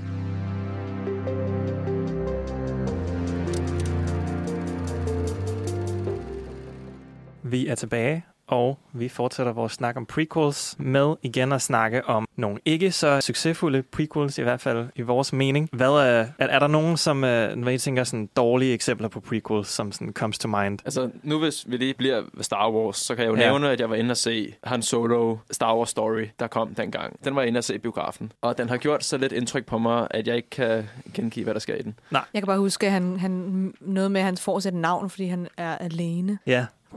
Ja, men jeg, jeg kan forstå, Ja. at jeg har heller ikke set den, men jeg, jeg kan forstå, at den er rigtig meget sådan fanservice, the movie. Altså sådan, Mm. sådan, fik han det, sin, husker, ja. sådan fik han sin skyder, og sådan mødte han Chewie, og sådan fik han sit navn, og det her er et Kessel Run, og det her er Mm. whatever. Og som, som du siger, det her med, at med, han fik sit navn på, fordi han var alene, virker bare som det mest åndssvage ligegyldige nogensinde. For jeg synes, Han Solo er det fedeste navn. Ja. Det er super Nogensinde. fedt. Og fordi vi ikke ved, hvorfor han hedder det. Ja, Ja. ja. præcis. så. Men vi ved det nu. Ja. Vi kan lige høre det faktisk, fordi vi har klippet. What's your name, son? Hunt. Um, what? Who are your people? I don't have people. I'm alone. Um, Solo. Approved. Approved. Jesus Christ. Ja, altså fanservice er... At, Han emo. Ja, han emo. ja, men fanservice er bare generelt vildt irriterende og unødvendigt, føler jeg. Ja. Altså, det kan godt... Der er eksempler, hvor det, hvor det er fint nok, hvis det bare er sådan en lille ting, som sådan en lille cameo eller sådan hvorfor noget. det er, de gør nok. det. Ja. Ja. Men, men igen, det er det her sådan mystikken, der bare bliver ødelagt ved, at vi finder ud af det på sådan en åndssvag måde. Altså, hvad, Altså, altså, hvad hvis der havde været tre? Var han så han trio? Altså, jeg, Han sådan- trio. Altså, det, det er bare... Det, det, det virker så åndssvagt. Ja, det er helt åndssvagt. Altså, jeg er jo uh, unapologetically meget stor Marvel-fan, og jeg synes, at de er rigtig gode til fanservice, fordi de Ja. bruger de der små fanservice-ting til at, gøre, til at få plottet til at komme videre. Ja. Og det her, at, at han hedder Han Solo, fordi han er alene. Hmm, Okay. Okay. Godt for dig. Godt for dig. Og det synes jeg også, øh, altså en film som for eksempel Maleficent og alle de der sådan live-action Disney-film er så åndssvagt. Og så nu, ja, Cruella for eksempel. Oscar-vindende Cruella. Oscar-vindende Og Not to forget. ja, som vandt for bedste kostyme i år. Eller? Hvilket er fair nok, synes jeg. Der er, det er nogle flotte kostymer, der er i den film. Det er fint nok. Jamen, det er også, jeg tror bare, det er, fordi det var hende, som var kostume, som er meget stor kostume i, i Ja. Hollywood, og hun havde brug for, brug for en pris, og så fik hun det for den. Ja, Ja. Det er også fair nok, men det er så ligegyldigt en film, som, altså jeg, jeg lavede et program med, med Lennon, en, af vores andre øh, anmeldere på, øh, på Nosferatu her tidligere i år, hvor, som, jeg tror, det var det første program, vi lavede i år, hvor vi snakkede omkring sådan dårlige film fra sidste år. Mm. Og det var min nummer et, tror jeg, med en eller to, fordi den er bare så, så forfærdeligt dårlig. Mest ligegyldige film med Emma Stone, som for første gang, jeg nogensinde oplevede, hende spiller dårligt og overdrevet, som jeg ved godt, Cruella er overdrevet, men det her Mm. er bare, det handler om, om Cruella det vil som ung, hvordan hun bliver Cruella. Igen sådan en anerkendt historie. Fordi hun starter med at være en, en, en mobbet pige, der hedder Estella, Mhm. mm-hmm. på et børnehjem. Og så er hun født med halv hvidt, halv sort hår. Bare sådan Men er hun født? At, var det ikke bare noget, hun farvede? Nå nej, hun farvede det rødt. Nå. for at slippe for... For at slippe for at blive mobbet. Okay. What? Er det Ja. rigtigt? Nå, Ja. okay. Jeg har set filmen, det kan jeg slet ikke. Altså, jeg troede bare, det var sådan noget, så farvede hun det for at være sådan lidt anderledes. Nå, det kan også godt være, men det er aldrig fortalt. Nej, det blev fortalt, at hun kom ud som sådan med hvid sort hår. Okay, sindssygt. Og så blev hun så rødhåret. Ja, hun blev med Stone, I guess. Og så blev hun så... Er det, fordi hun er undercover jo for øh, den der mode-mogul, mo- som er Emma Thompson. Emma Thompson, ja. Ja, der synes jeg, det så tager... Altså, det der er åndssvagt ved, når man skal lave en, en, øh, en skurk, som er rigtig, rigtig ond, fordi hun er jo en... Altså, hun er så ond, som man kan være i Disney-univers, fordi hun er en pige, der dræber små hundevalpe. Det er jo Mm. det ondeste, man kan gøre i Disney. Ja. I verden. ja, i verden. Men altså, det er jo sådan, det kan de simpelthen ikke redegøre for. Altså, Maleficent, okay, hun er ond, fordi hun er blevet voldtaget. Det kan man ligesom sådan, den historie kan man godt winge, og så hey, det rigtige kys, det var mellem hende og Tornerose, og sådan, whatever. Ja. Ja. De elskede hinanden. Det er Men det er jo heller ikke, det er heller ikke rigtig en prequel så meget med Maleficent. Det er mere sådan et remake, føler jeg. Altså, det er sådan, Ja, lige før, ikke? Ja, fordi det er jo hele historien, som er lidt anderledes end, end den originale Dis- Disney-film er, tegnefilmen. Ja, det er bare en, en men det er jo, synes jeg også, det synes jeg også, det her er. Altså, Cruella er en... Men de prøver stadig virkelig, og det er det, der er så irriterende, at de Ja. prøver virkelig at lave forbindelser til den tegnefilm. Altså, og det føles bare, det hele føles så søgt. Og som du siger det der med, at, at de skal prøve at gøre en modbydelig, altså en virkelig underholdende karakter, men en modbydelig karakter sympatisk, Ja. Fungerer ikke, hvis det skal passe sammen, fordi personlighederne ikke passer sammen. Og det, der virkelig ikke fungerer, det er, at så prøver de bare at tilføje en karakter, der er endnu under. Mhm. Fordi det, som man får vores karakter til at se lidt mere sympatisk ud, det er at sætte en på, der er sådan endnu mere ond. Og Emma Thompson, hun er meget ond, fordi det var spoiler alert til Cruella af hendes rigtige mor. What? Oh my god. altså, altså, og hun hader at være gravid, for hun vil være smuk. Og, Og nå, men hvis vi kører Uh. fuld spoilers, ikke? så det, jeg synes er det sjoveste ved Cruella, altså, det er, at, at jeg så rigtig mange, før filmen kom ud på, øh, på Twitter og andre sociale medier, der sådan skrev for sjov. øh, Jeg håber, vi finder ud af, at hendes forældre blev dræbt af nogle dalmatiner, og, Og det er derfor derfor, er hun hun, sur. hun hader dalmatiner. yep, that's what Lord behold, det er, det er, hvad der sker i filmen. Hendes mor sjovt. bliver dræbt af nogle CGI-dalmatiner og falder ud over en klippe. Det er så åndssvagt. Og det er så ikke hendes rigtige mor, men det hun, hun tror er hendes mor. Ja. Og så, så vil hun have hævn. Det er, sådan, det er hele hendes origin story. Og, og også, ja, men det er så dumt. Det er så dumt. Det er helt vildt. Jeg sad også jeg sad og så den med min veninde, og jeg var sådan, nah, Cruella, jeg, og jeg elsker, jeg elsker 101 Dalmatiner. Det er, jeg så den så meget som barn. Mm. Og min yndlingsscene, det er, når Cruella, hun møder, når hun sådan træder ind i hendes, hendes åbningsscene, kan man sige. Mm. Hvor hun står der i døren, og man ser hendes outline, det der store Ja. hår og cigaretten, og så træder hun ind, sådan, darling! Ja. Og med alt det der røg op i, i loftet, og Jeg føler, at de to mest altså, karakteristiske ting med Cruella de Vil, det er, at hun ryger, og hun har store pelse på. ja. Og Og det har Emma Stone ikke på på noget tidspunkt, fordi Mm. så bliver hun usympatisk, ikke? Ja. Og det går ikke. Præcis, og der er på et tidspunkt, hvor at Emma Stone, eller Emma Stone, hvor Cruella, hvor når hun er blevet til Cruella, fordi hendes Cruella er ligesom hendes øh, alter ego, det Ja. her, sådan, des, den der store designer, som Ja. prøver at overgå Emma Thompsons designer. Så laver hun sådan et, øh, et surprise design show, altså, hedder det op show, Ja.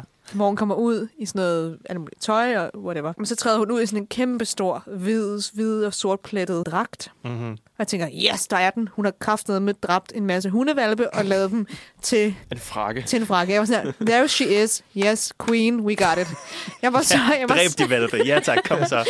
kom nu. Altså, jeg var sådan, gå du, få det bare overstået. Ja. Og så finder man ud af, at det er fake fur. Altså, What?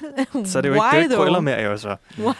Jeg ved godt, jo, altså, jeg går også ind for, at man ikke dræber dyr. Det er ikke, fordi jeg siger, at jeg går ind for det. Men sådan, det er Cruella, det vil. Altså, og grunden til, at hun hedder Cruella, er fordi, at hun er Cruella. Hun she's cruel. Og hun hedder Stella. Og hun hedder Stella, så det var noget, Så hun kaldte sig, da hun var barn. Og så hendes bil står der Devil på.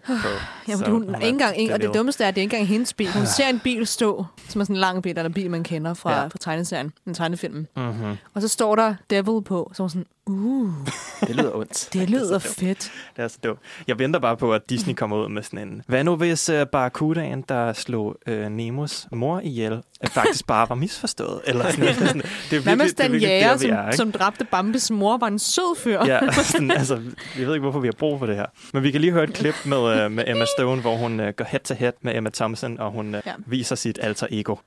Who are you? You look vaguely familiar. I look stunning. I don't know about familiar, darling. Your hair, is it real?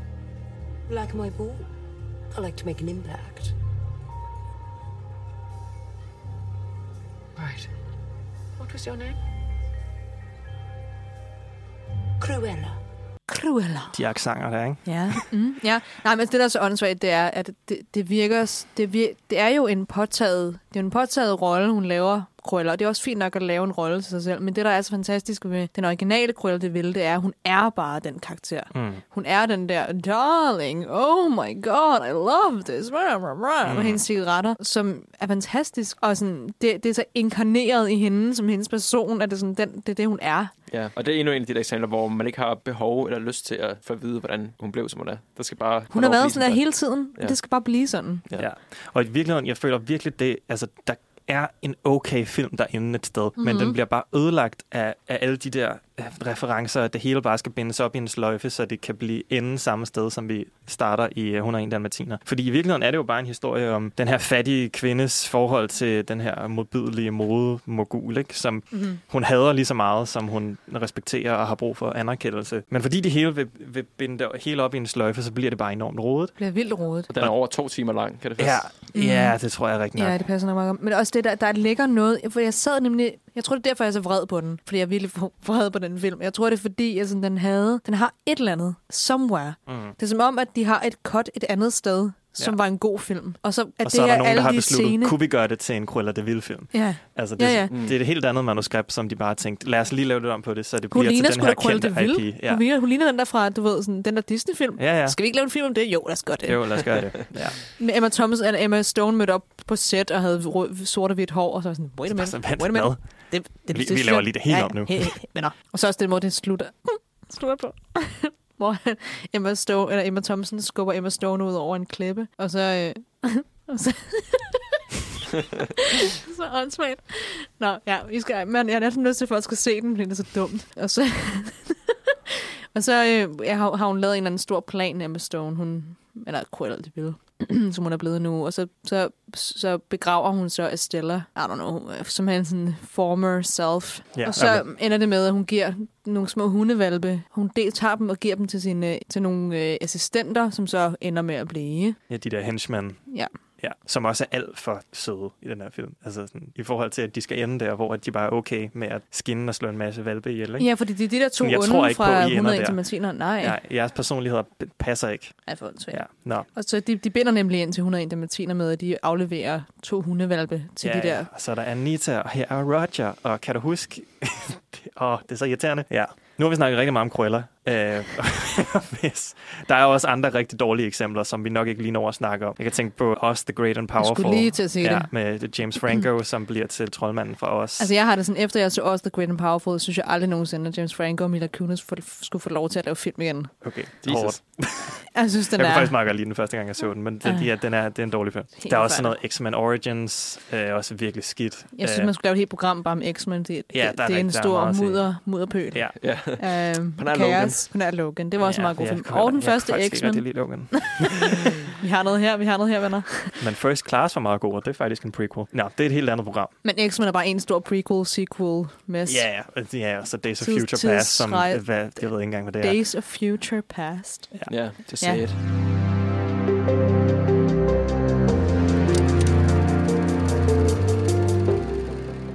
Nå, vi har snakket om rigtig mange dårlige prequels i dag, men det er også tid til at være lidt positiv, fordi der findes jo gode prequels derude. Der er måder at gøre det ordentligt på. Laurits, din yndlingsprequel. Go. Yes, og det er jo lidt at snyde, kan man sige. Men hvis jeg skal vælge én yndlings prequel, eller hvor der i hvert fald bliver lidt exposition eller lidt flashbacks, for, for at vide, hvordan karakteren er blevet, som de er, så tror jeg nok, min yndlings er Godfather 2. Hvor man får lov at se, hvordan Vito Corleone går fra en fattig dreng fra Sicilien og bliver den her kæmpe mafia-boss i New York. Og det var lidt en, en genistreg, synes jeg, at få Robert De Niro til at spille ham i Godfather 2, som lavede audition på den første film, men ikke fik rollen. Og så efter, at øh, han var blevet set i film, han har lavet med Scorsese, Mean Streets, så øh, besluttede Coppola for, at nu det var tid til, at han kom med i Godfather 2, og det gør han altså bare fantastisk. Og den gør jo det her med, at den kører sideløbende med den fortælling, Ja, den fremadrettede den historie, fremadrettede ikke? fortælling for den første, hvor Al Pacino har taget over for øh, Marlon Brandos Vito Corleone. Og vi har et lille klip med fra, hvordan han får sit navn, Vito. Ja. Yes.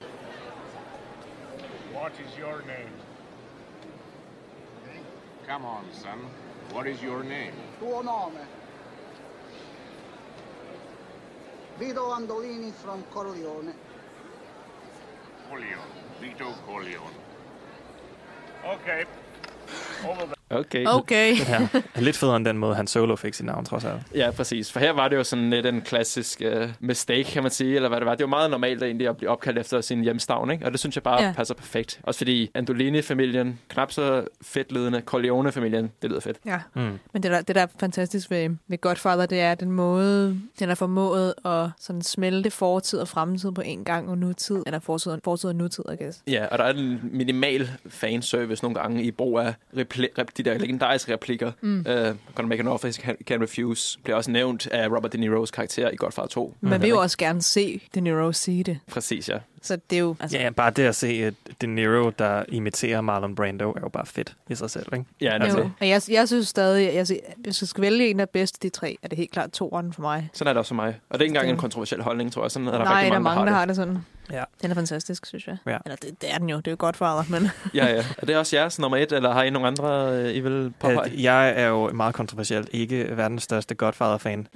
Ikke, at jeg har nogen Mm. god grund til det, andet end at jeg, jeg har set dem, men kan ikke, de har ikke gjort et stort indtryk på mig. Det er fair. Men der er andre prequels, som, som jeg er rigtig glad for. Og en, som jeg, faktisk, som jeg vil fremhæve, er en film, som mange ikke ved er en prequel, er som rigtigt. er uh, Indiana Jones Temple of Doom, den anden Indiana Jones film, som rent teknisk set foregår et år inden Raiders of the Lost Ark, som, jamen altså, til- og jeg tror bare, folk har tænkt om, at det er bare et andet Indiana Jones eventyr, og det er det, der er så fedt, der er ikke, sådan, der, der er ingen, er ikke de store referencer til, til, hvad der kommer efter, som så er blevet, blevet lavet før. Og så er det bare sådan en virkelig, altså, den er, den er lidt speciel i forhold til de andre er Indiana Jones film. Ja, at den er meget, den er Ja. meget sådan mørk og handler om sådan en sadistisk kult, som der elsker sort magi og børneslaver. Ja. altså, øh, og det var, det var faktisk filmen. og abehjerner. Og abehjerner, ja, og bare tage hjerter ud af brystet på, øh, på Mm. mænd. Øh, Det var filmen, der skabte den, der hedder PG-13-rating i, Mm, rigtigt? i USA. Ja. Nå. Fordi den var så voldsom, så var de nødt til at lave en helt ny rating. Den synes jeg er virkelig fed, og det er bare, det er bare, det er bare dejligt. At, altså, det siger bare også noget om prequel som koncept, ikke? Ja. At det er bedst, når, når, der ikke, altså, når det ikke er tydeligt, at det er en prequel. Og det fede ved Indiana Jones er også det her med, at det er sådan en serielle ting. Altså, de kunne, hvis de havde haft lyst til det, kunne de jo have lavet 10 film. Uh, nu har vi jo godt nok uh, nogle i vente, og vi har haft uh, ja. et ekstra også. Men Last Crusade, den tredje Indiana Jones film, gør jo også det her geniale, lidt ligesom Godfather 2 gør, med at have en origin story på Indiana Jones som ung, spillet af River Phoenix. Mm. Og man, han har jo de her klassiske ting, man kender fra Indiana Jones, det her med, at han er bange for slanger, han bruger pisk, og Ja. hvor hans hat, den der legendariske hat, han har og sådan noget. Um, og vi har taget et klip med fra Last Crusade, Yes. hvor vi, der er lidt et lille sjovt callback til det her med slanger. That cross is an important artifact. It belongs in a museum. Run back and find the others. Tell Mr. Havelock that there are men looting in the caves. Have him bring the sheriff. It's only a snake. Did you hear what I said? Right. Ja, dengang var han ikke så bange for slanger. Og det er sjovt, fordi det her er jo altså alt det, som vi sagde, at vi havde fra sådan noget som Solo. Ikke? Det er rigtigt, sådan noget med ja. at Mm. vide alt om, hvordan, hvordan de blev til den karakter, som de er, og alt, hvordan de fik deres pisk, eller deres skyder, eller whatever. Så kan vi være det her bekendt på en Ja, så det, var, så det er nemlig rigtigt, men, men det man kan sige er, at det her er ikke en hel film. Det her er bare de første kvarter af en film. Det er rigtigt. Og som faktisk er en af de... Altså, den Last Crusade er en fantastisk film og sådan noget, ja. men jeg elsker den også på at der er det her før. Ja. Og man ser, Ja. hvordan han får hatten fra ham her. Han siger det der med belongs in a museum. Ja. Det er ham skurken her. Han er også arkeolog, men som vil have det. Så det er selv. altså sætningen, han er så glad Præcis, for. ja. Ja. Men det synes jeg også, at den måde, han får hatten på, er en fed måde at få hatten på. Det er, der er forskel på sådan en Black, for eksempel som Black Widow i Marvel-universet, hvad hedder det? Ja, Black Widows film, som handler om, den er placeret imellem mm. nogle af filmene. Det er Øhm, teknisk set en prequel, egentlig. Det er i princippet en prequel. Og der, der handler det om, sådan, hvordan hun får sin vest. Og, sådan, Som har en masse lommer. og, som, og sådan, der er ingen... Altså, der er folk er så Okay. ligeglade med den vest. Jeg, lag, jeg, jeg glemte helt, at hun havde den. Altså, ja. det, Og det så stor en ting af filmen, det der med, at de Det- snakker om dens mange lommer hele tiden. og de, altså, den har, altså, når man kigger på den, jeg ved ikke, hvor de lommer er henne. Sådan, den, Ja. ja. jeg, kan ikke se det. Hvor ved Indiana Jones, det hat og det pisk. Ja. Ja, det er så ikonisk. Præcis. det er meget ikonisk. Hvis jeg, også, hvis jeg skal nævne en anden film, som jeg også faktisk også er ret glad for, så er det over i det animerede, som er Monster Inc. prequelen Monsters University, Yeah. som altså, den er, ikke, den er ikke bedre end Monsters Inc. Det er den ikke på nogen måde. Og der er selvfølgelig også nogle, nogle små plothuller, som bliver skabt, fordi Monsters Inc. siger de, at Mike og Sully, de mødte hinanden i 4. klasse, og her møder de hinanden i college. Ja. Og, og så er der også sådan noget med, at, at de møder den uskyldige snemand i, uh, i Monsters University, og da de møder ham i Monsters Inc., så virker det ikke, som om de kender hinanden. Nej, det er rigtigt. Uh, så, der, så der er de der, de der ting, som ikke helt, helt passer sammen. Nå, gud, Men- det, det havde jeg glemt. Ja, men det gør ikke så meget, også fordi det er en, en tegnefilm, som måske ikke tager sig så seriøst. Og jeg synes faktisk, at det er en rigtig fin film. Altså, det er sådan, handler om, om nogen, som går fra fjender til at være venner. Og hele det her med, at vi har den her talentløse Mike Wazowski, der arbejder virkelig hårdt for at udleve sin drøm. Og så har vi den privilegerede, talentfulde Sully ved siden af, som er redselslagen for at underpræstere, fordi at, øh, altså i forhold til hans potentiale, Ja. og dermed skuffe alle. Så på, på en eller anden måde har han måske faktisk mere at tabe. Og så synes jeg også, den er eksempel, fordi igen, nu har vi snakket om gode eksempler og dårlige eksempler på fanservice. Den gør noget, den gør nogle, nogle grin, der er nogle grineren fanservice ting i den her film. Ja. Øhm, som for eksempel når, øhm, fordi det, det starter med, at Mike Wazowski får en roommate, som er Randall fra Monsters Inc., som Mm. jo er skurken i Monsters Inc., hvor at, øh, de virker til, at de skal være bedste venner, hvor at, at det Randall kan, er, at han kan gøre sig usynlig. Og her har han sådan nogle briller på, og der siger Mike til ham, at ej, tag brillerne af, fordi at det ødelægger hele dit, dit nummer der. Og så begynder han at skule helt vildt, fordi han ikke, kan ikke se noget uden de der briller. Og så ved man, at det er derfor, han ser så ond ud i Ah, Monsters Inc., okay, fordi ja. han, sk- han skuler hele tiden.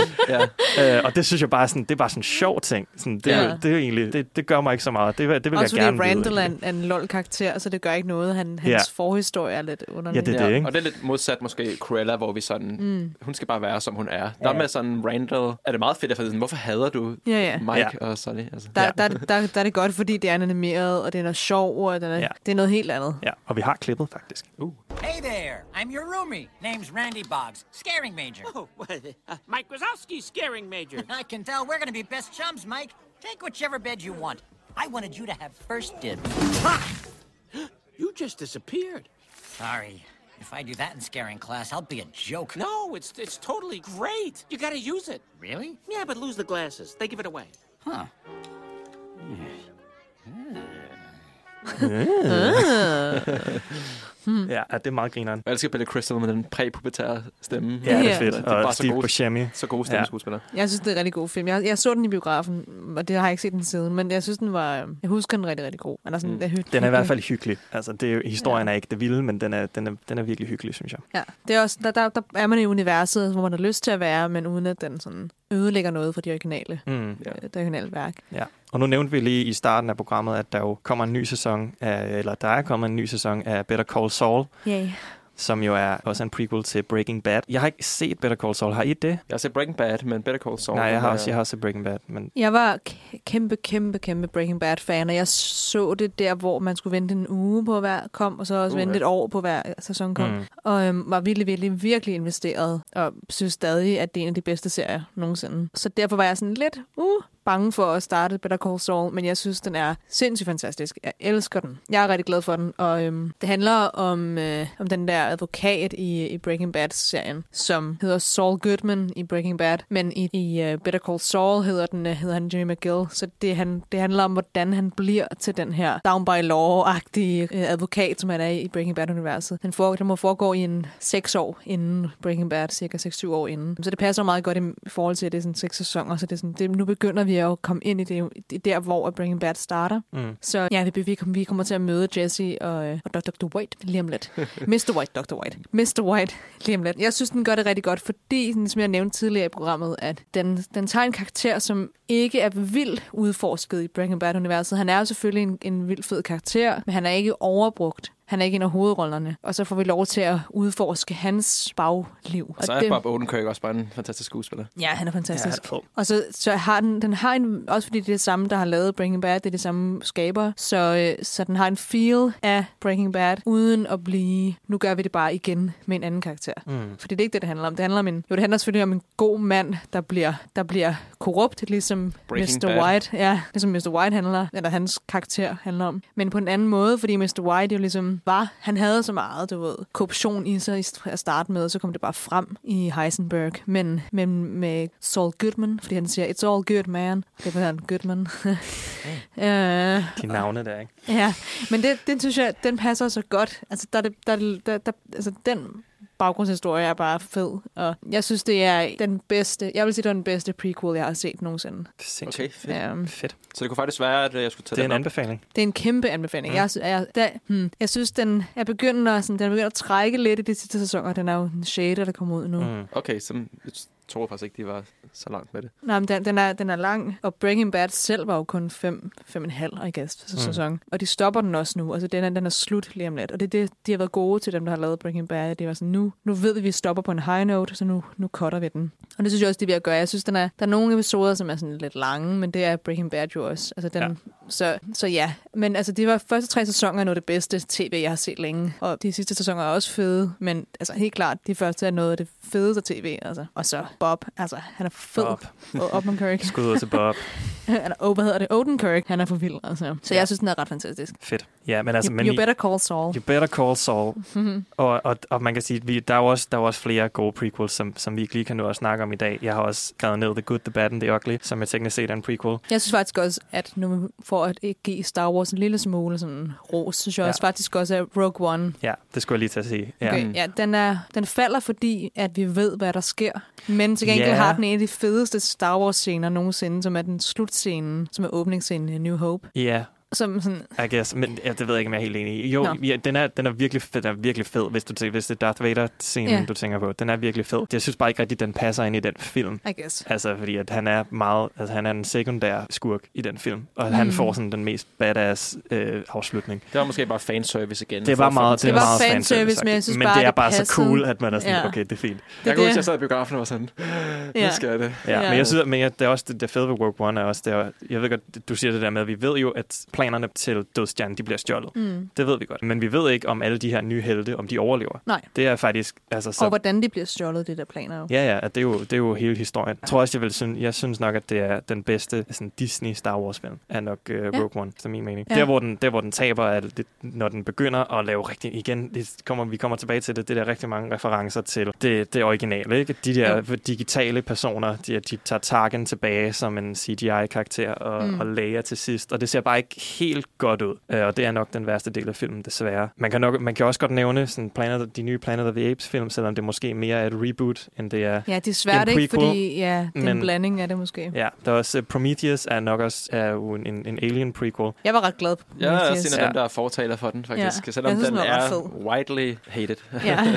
ja. Og så en lille shout-out ud til Twin Peaks Fire Walk With Me, Mm. som er en prequel faktisk jo. Ja, det handler og om... vi må ikke nævne for meget, fordi... Fordi jeg har Det er en kæmpe, set Det er Twin Peaks. Det er en kæmpe spoiler. Spoiler, ja. Men man kan godt sige, at Twin Peaks handler om en, der hedder Laura, som er død, og så skal de opklare deres hendes mor. Ja, Men Fire Walk With Me handler om dagene op til hendes mor. mm. præcis.